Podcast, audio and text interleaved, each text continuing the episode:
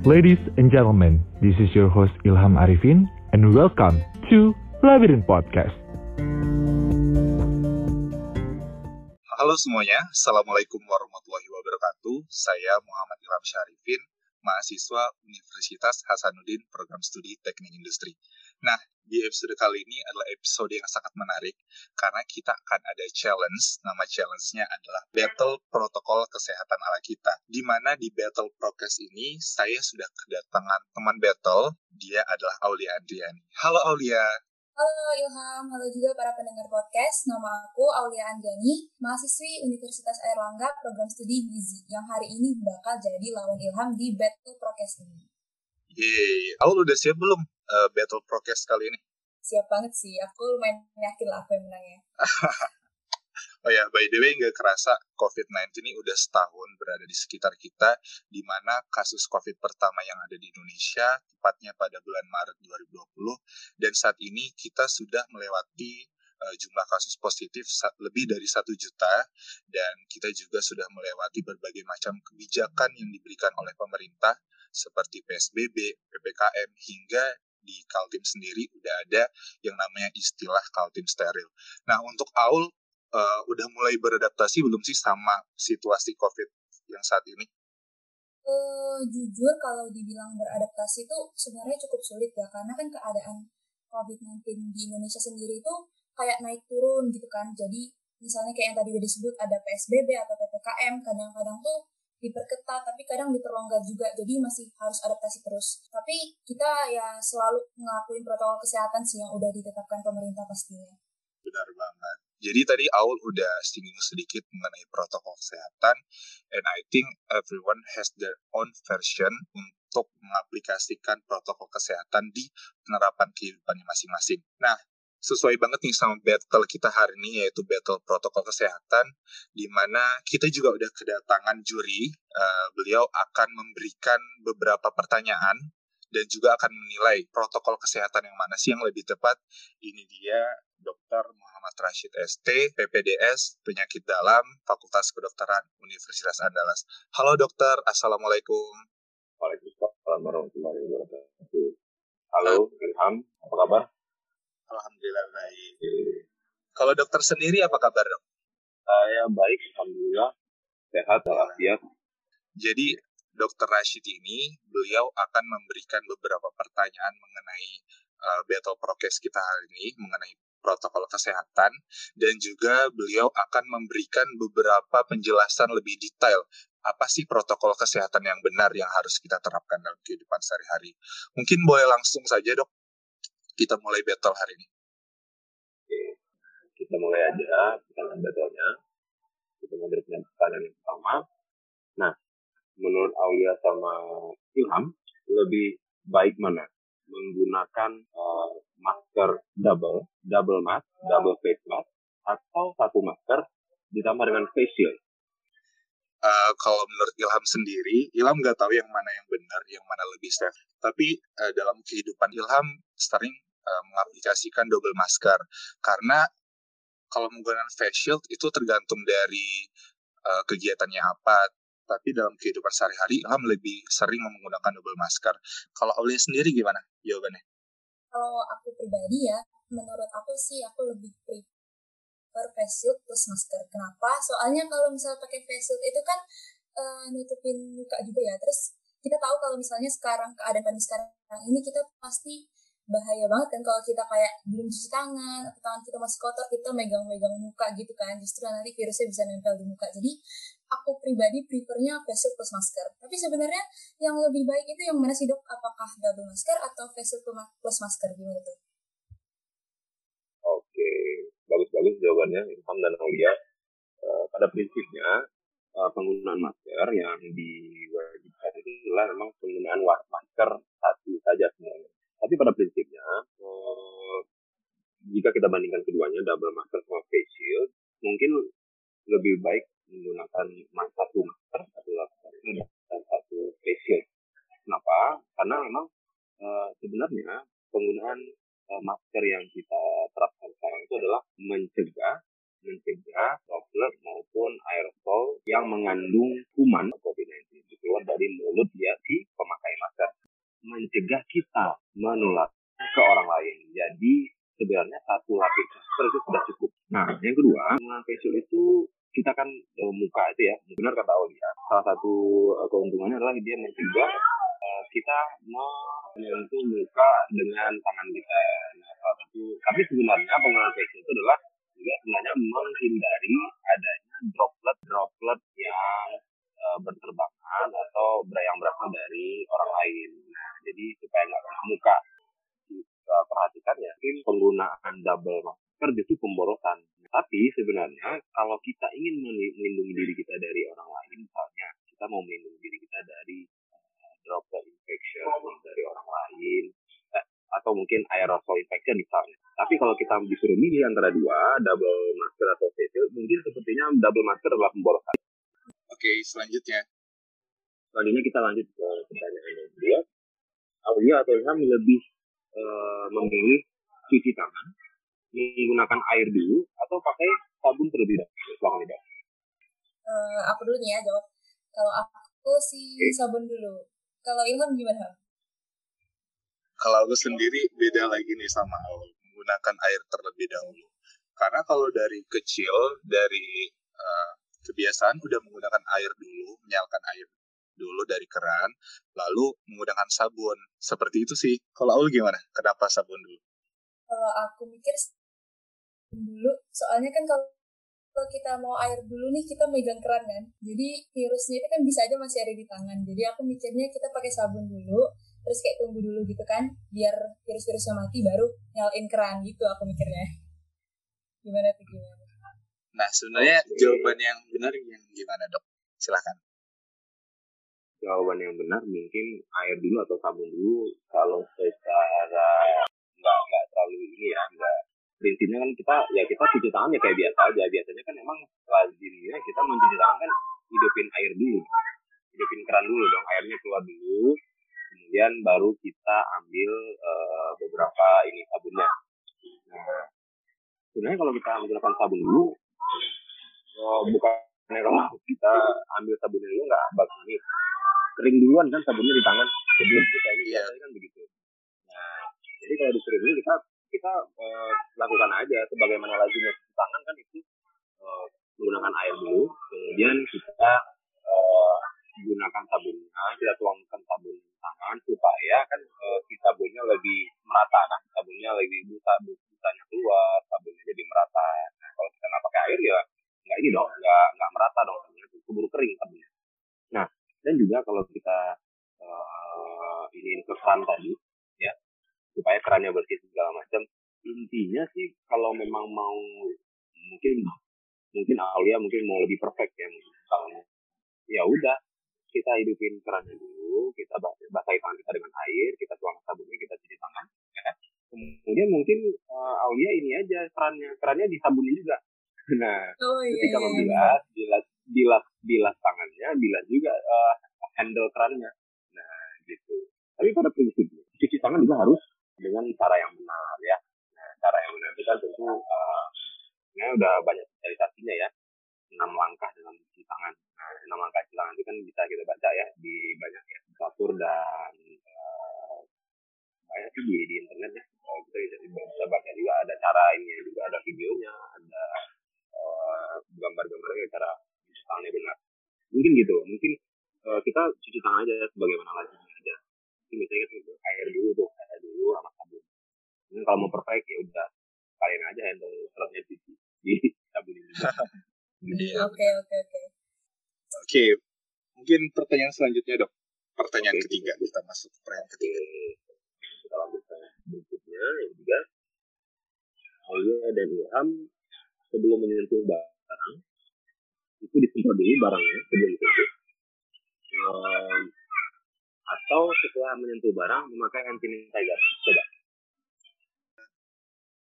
kalau aku sendiri setelah menyentuh barang baru menggunakan hand sanitizer kalau lu gimana? -hmm. uh, kalau aku kayak misalnya dapat paket atau apa gitu barang dari luar sih biasanya semprot dulu sih emang semprot dulu baru kayak ditungguin gitu sih kalau aku tapi sebenarnya ya uh, aku sendiri misalnya habis semprot barang tuh Uh, terus tunggu berapa lama baru aku buka. Setelah itu juga aku pakai hand sanitizer juga sih sebenarnya. Nah, uh, sama sih kalau misalnya pada kasus uh, paket yang baru datang misalnya pesan paket gitu kan online shop sama juga menggunakan disemprot dulu kan sebelum menggunakan paket tersebut. Tapi kalau misalnya barang-barang yang ada di sekitar kita, misalnya barang-barang di rumah, biasanya setelah menyentuh barang itu baru menggunakan hand sanitizer. Kalau gimana? Tergantung barangnya kalau habis dari luar sih disemprot. Pokoknya barang apa pun yang dari luar disemprot. Tapi mungkin uh, dokter Asyik mungkin lebih tahu kalau misalnya disemprot sama hand sanitizer mungkin lebih bagus yang mana atau memang dua-duanya yang paling bagus gitu. Oke. Uh, jadi saya coba jawab ya. Uh, prinsipnya penggunaan hand sanitizer adalah untuk yang membersihkan atau mencuci tangan kita ya. Jadi memang barang-barang itu sendiri ya kalau semua barang mau disemprot kan repot. Iya Semua barang disemprot, semua barang yang akan kita sentuh kalau kita semprot semua ya repot. Mungkin kalau yeah, mungkin benar. prinsip kita lebih kalau prinsip kita mungkin lebih hemat ya mungkin yang pengguna sanitizer ya setelah kita menyentuh barang tersebut ya mungkin setelah menyentuh itu baru kita mencuci tangan atau menggunakan hand sanitizer. Nah, tapi kalau ada beberapa keadaan tertentu, misalnya barang-barang yang rutin atau memang kita menyentuh itu sangat sering dalam dalam sehari-hari, misalnya handphone, ya handphone atau mungkin dompet, atau mungkin ada peritulan-peritulan kecil yang memang kita bawa ke mana-mana dan selalu kita kantongin, selalu kita pegang, selalu kita di uh, hari harian kita. Contoh handphone. Nah, kita sendiri sih kalau handphone, uh, jujur aja memang di handphonenya juga kita pegang dengan alkohol ya minimal alkohol di atas 70 persen sih ya nah handphone sendiri kan memang kebetulan handphone handphone zaman sekarang. Juga memang uh, waterproof ya. Kebanyakan sudah waterproof. Atau memang kalau nggak kita takut nggak waterproof ya udah kita plastikin aja.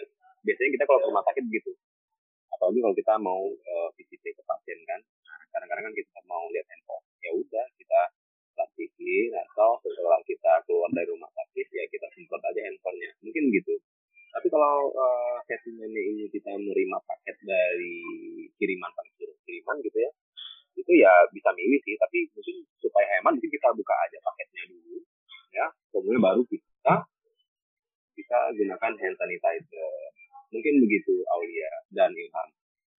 Oke, karena memang karena memang karena memang si packagingnya sendiri kan akan kita buang juga ya kan? Iya packagingnya akan kita buang. Nah kemudian isi dari nah isinya nih isi packagingnya isi package-nya itu e, barang kiriman kita itu kan biasanya sudah me melewati proses pengiriman yang minimal tiga hari kan dua atau tiga hari kan nah di diduga kuat dua sampai tiga hari itu kemudian sudah sudah mati ya walaupun ada kubangnya kuman sedimentnya sudah mati begitu kalau gitu skornya sekarang dua satu nih ya. Aduh aku mulai kalah nih sama Ilham. Mungkin biar imbang kita masuk saja ke pertanyaan selanjutnya, pertanyaan keempat. Silakan dokter. Oke. Okay. Oke, kita masuk ke pertanyaan yang keempat ya. Pertanyaan keempat ini, nah Aulia sama Ilham, kalau olahraga, exercise itu pakai masker ketika olahraganya atau tidak pakai masker? Oke, silakan jawab Aulia.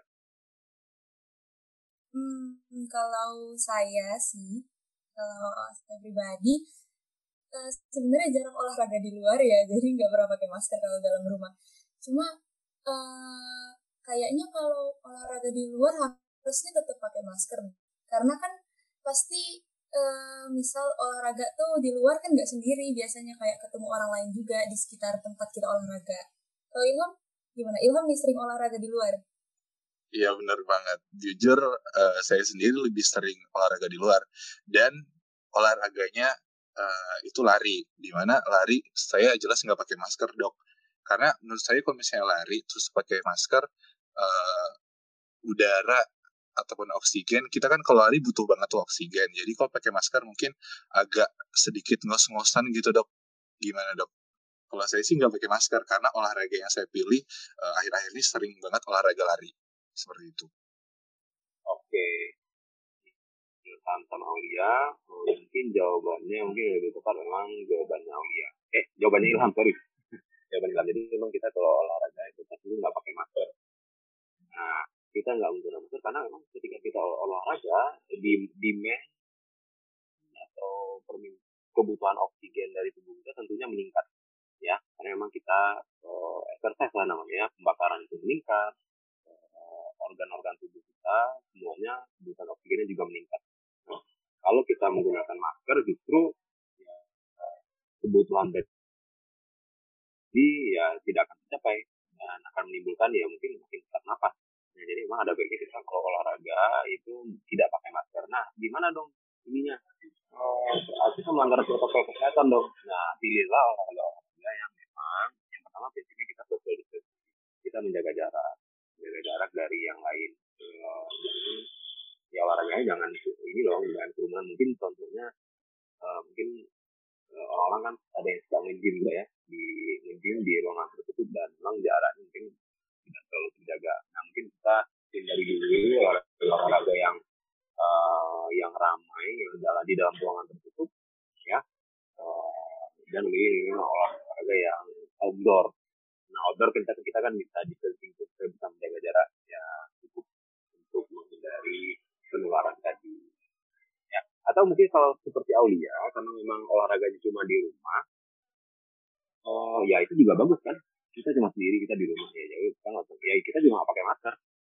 Nah, prinsipnya adalah ketika kita buka masker kita harus menjaga jarak.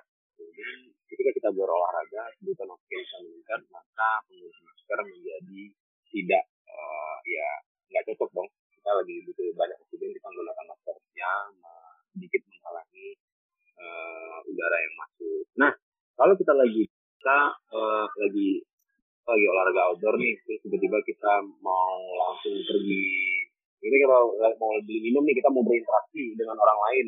Ketika sedang berolahraga outdoor ya kita pakai dulu masker kita. Nah nanti mungkin kalau mau lambat lari misalnya jadi sudah kita pakai lagi. Mungkin gitu. Hmm, oke oke oke. Jadi kalau misalnya olahraga intinya jangan pakai masker dulu ya ternyata buat oksigennya Iya gitu. Hmm, nah ya. kalau boleh tahu dokter eh, selama masa pandemi olahraga apa sih dok akhir-akhir ini? Kalau kita selama pandemi memang kebetulan olahraga kita emang uh, yang lagi hits juga ya kita goes sebenarnya jadi memang ya emang kita teman-teman sama sepeda sama ya. PPDS juga emang iya sepedaan sepedaan kita beli sepeda rame-rame beli sepeda kemudian kita uh, ya dua sampai tiga kali dalam seminggu kita uh, sepedaan ya sepedaan kan bagus tuh kita bisa jaga jarak namun tetap bersama. Nah gitu. Atau ada beberapa beberapa beberapa teman-teman juga yang uh, lari ya kita punya komunitas juga. Jadi kita selama justru memang selama pandemi ini komunitasnya jadi semakin ini jadi semakin erat silaturahmi. Semakin jadi memang ya. Uh, ya dulu dulu justru waktu pandemi emang uh, ya komunitas hanya sekedar komunitas nggak ada yang ikutan olahraga. Nah ketika pandemi justru ini lebih ini kita jadi jadi lebih sering olahraga justru oke okay. keren sih keren itu oke okay, selanjutnya mungkin uh, pertanyaan selanjutnya dok Oke, mungkin kita lanjut ke pertanyaan berikutnya. Uh, nah, sekarang saat di luar rumah. Saat di luar rumah, Aulia dan Ilham lebih memilih membawa atau menggunakan alat makan sendiri atau menggunakan alat makan dari restorannya tempat makan tapi dicuci sendiri sebelum digunakan. Coba dijawab. Oke, okay.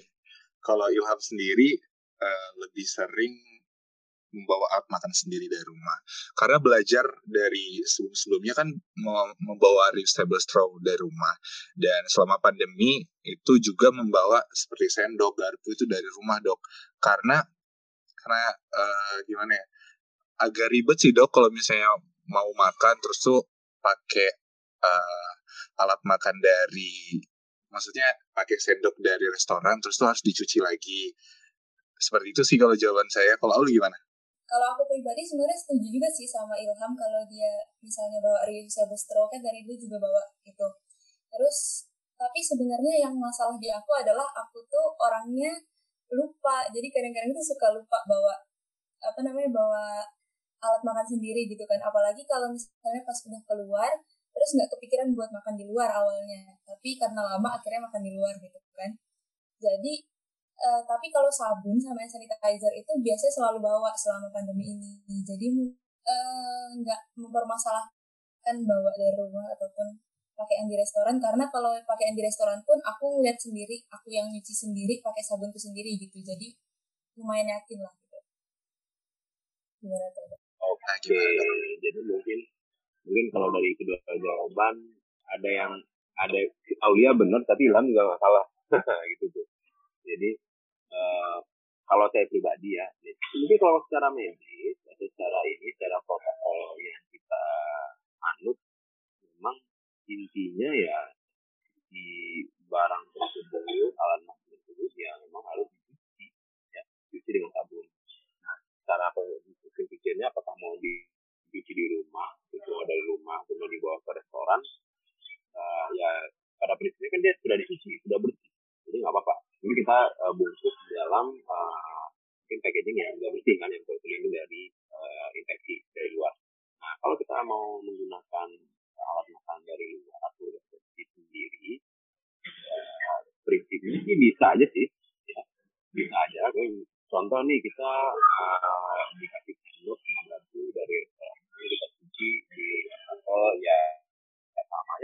bersih dua-duanya sih bersih. Cuma uh, mungkin kan kalau mungkin kita milih yang lebih handy dan lebih praktis kalau saya sih milihnya bawa alat makan dari rumah. Bawa alat makan dari rumah yang sudah kita sendiri kemudian kita uh, kita masukin dalam packaging yang terlindungi ya. Nanti setelah makan kita masukin lagi atau mau dicuci dulu dicuci lagi boleh. Itu aja sih sebenarnya. Kalau kita uh, mencuci alat makan yang dari luar ya kita nambah ya mungkin kita harus cari wastafelnya dulu atau mungkin eh, ternyata di di kan nggak semua tempat makan yang ada wastafelnya kan? Nah contoh nih kita makan kita kita makannya di uh, yang mungkin kita makan di emperan atau mungkin di pinggir jalan. Nah itu mereka eh, nggak uh, ini kan nggak ada wastafel paling cuci tangannya pakai kobokan ya jadi emang nggak prinsip protokol kesehatannya nggak nggak terpenuhi. Jadi mungkin supaya lebih praktis dan lebih pasti kita lebih baik membawa alat makan dari rumah. Oke, jadi itu tadi pertanyaan uh, terakhir di battle protokol kesehatan kali ini. Nah, menurut dokter lebih uh, masukan yang mana nih jawabannya? Aul atau Ilham di battle protokol kesehatan kali ini? Hmm, kalau menurut saya sih kayaknya imbang-imbang aja ya. kayaknya kayak draw nih kalau dia sama Ilham kayaknya draw. Seri. Nah, seri kayaknya. Karena memang karena ada beberapa jawaban yang memang Aulia benar, Ilhamnya ya, juga nggak salah. Ilhamnya benar, Aulia juga nggak salah. Mungkin lebih tepatnya mungkin, nah tadi kan saya juga, juga udah nambahin tuh yang lebih tepatnya begini, begini, begini gitu. Untuk Dokter Rashid sendiri sebagai tenaga kesehatan, ada nggak sih dok yang pengen disampaikan kepada uh, seluruh masyarakat Indonesia? Terlebih lagi kita masih berada di masa pandemi. Apa yang ingin dokter sampaikan khususnya dalam protokol kesehatan? Silahkan dokter. Kesehatan ya itu sudah baku ya. Istilahnya kita sudah dari tahun lalu juga uh, kita sudah ya pemerintah semua semua orang sudah promosikan bahwa terapkanlah protokol kesehatan yang baik dan benar.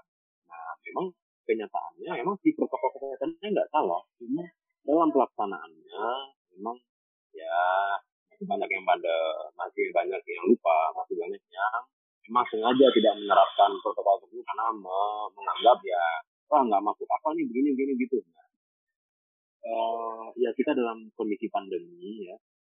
Uh, dalam dari cabang ilmu kedokteran juga dari dari segi ilmu kesehatan dari segi agama juga udah di, udah udah udah ada ini juga kan ada uh, perintah-perintah agama. Karena memang dalam situasi pandemi itu misalnya kita nggak boleh keluar dari eh, keluar dari suatu tempat atau suatu daerah dan orang yang dari luar juga nggak boleh masuk. Nah, contoh jadi memang eh, pandemi itu mungkin ya udah dari dari dari dulu dulu juga udah pernah udah udah pernah ada karena memang tergantung kitanya. Jadi emang ini bukan suatu kalau dibilang uh, ya mungkin sekali ada yang bilang sekali satu tahun itu kita ada pandemi oh, tahun 1912 juga dulu ada Spanish flu gitu ya. Jadi emang ini bukan suatu yang kalau menurut saya bukan suatu yang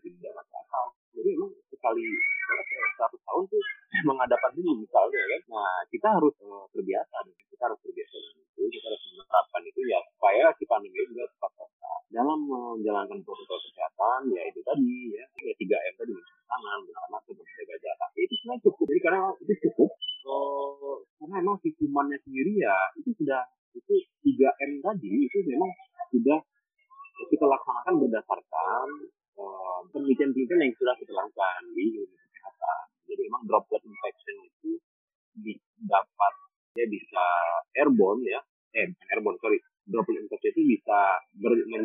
sejauh memang uh, maksimal 2 meter. Nah begitu tuh uh, literatur yang uh, menurut literatur yang uh, sudah meneliti cara penularan virus. Kemudian yang mencuci tangan, cuci, cucilah tangan menggunakan sabun itu uh, minimal uh, 30 sampai 40 menit kan. Eh 30 sampai 40 detik. Setelah diteliti, setelah dilakukan uh, pengujian, memang setelah 30 detik itulah yang optimal si kumannya uh, mati. 99% mati. Nah, menggunakan hand sanitizer itu mungkin 20 detik. Uh, itu juga sudah itu juga bukan uh, karang-karangan, tapi memang sudah melalui penelitian di bidang ilmu kesehatan. Kemudian memakai masker. Nah, memakai masker juga menggunakan masker ya kita pakai masker satu lapis saja. Ya. Tapi mungkin ya, kalau bandingin menggunakan kain dibandingkan surgical mask itu lebih baik surgical mask karena surgical mask sudah, sudah melalui uji klinis bahwa bisa mencegah droplet airborne infection yang keluar dari mulut seseorang. Nah, untuk masker kain ini masih ini nih masih simpang siur. Karena yang, yang benar-benar diteliti itu sejauh apa sih perlindungan berapa persen sih perlindungan masker kain itu terhadap uh, infeksi dari mulut seseorang yang keluar dari mulut seseorang atau hidup seseorang. Nah, dan juga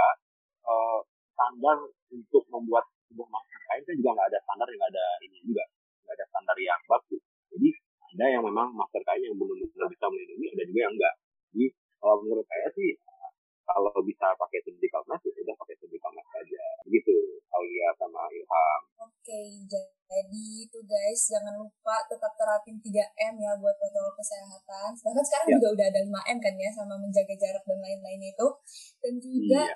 pokoknya jangan bandel karena pandemi itu juga bukan suatu hal yang nggak masuk akal ya kan tadi dok karena bisa aja terjadi dalam beberapa uh, abad mungkin atau berapa tahun pasti ada aja iya. pandemi ya. baru ya kebetulan aja kita yang kebagian kan nah iya benar banget benar banget oh iya terus saya, uh, saya mau nanya nih untuk Aulia sama Ilham. Uh, kita kan udah udah masuk ke ini nih. Kita kan rencana mau vaksin nih. Aulia sama Ilham rencana vaksin nggak? Rencana uh, pastinya vaksin, vaksin dong dok. Iya. Vaksin dong apalagi oh, Aulia gimana? Uh, vaksin dong pasti. Apalagi Aulia kan uh, kebetulan program studinya gizi nih. Jadi salah satu uh, masih ada hubungannya dengan kesehatan. Jadi pastinya harus promoting yang iya, lebih baik. Kita harus memberikan contoh pada uh, yang lain ya. Jadi memang prinsipnya memang vaksin itu vaksin itu adalah yang kita gunakan sekarang ya Sinovac itu adalah inactivated virus. Jadi memang virusnya dimatikan. Kemudian virusnya kita uh, masukkan ke dalam tubuh kita. Di mana nantinya sel-sel uh, pertahanan kita ya dia akan mendapat informasi. Nah ini ada benda asing nih. Benda ini namanya uh, virus uh, COVID, eh, virus corona, coronavirus. Nah, dia akan mengenali virus tersebut, menyimpan dalam memorinya bahwa ketika nanti ada virus, ya, virus yang ya, ya mungkin ya jangan sampai lah, tapi ketika ada nanti virus aktif yang benar-benar virus COVID masuk ke tubuh kita, di cara pertahanan kita sudah mempunyai persiapan dan sudah tahu bagaimana cara mengalahkannya. Jadi, insya Allah nanti setelah jika pun kita tertular atau infeksi uh, si virus yang masuk ke tubuh kita, tubuh kita sudah tahu cara melawannya dan langsung mati itu virusnya. Oke, okay. uh, eh, terima kasih banyak kepada Dr. Rashid yang sudah hadir dan memberikan penjelasan mengenai protokol kesehatan pada hari ini. Terima kasih juga Aulia dan terima kasih teman-teman pendengar. Sekian dari Battle Protokol Kesehatan hari ini. Assalamualaikum warahmatullahi wabarakatuh.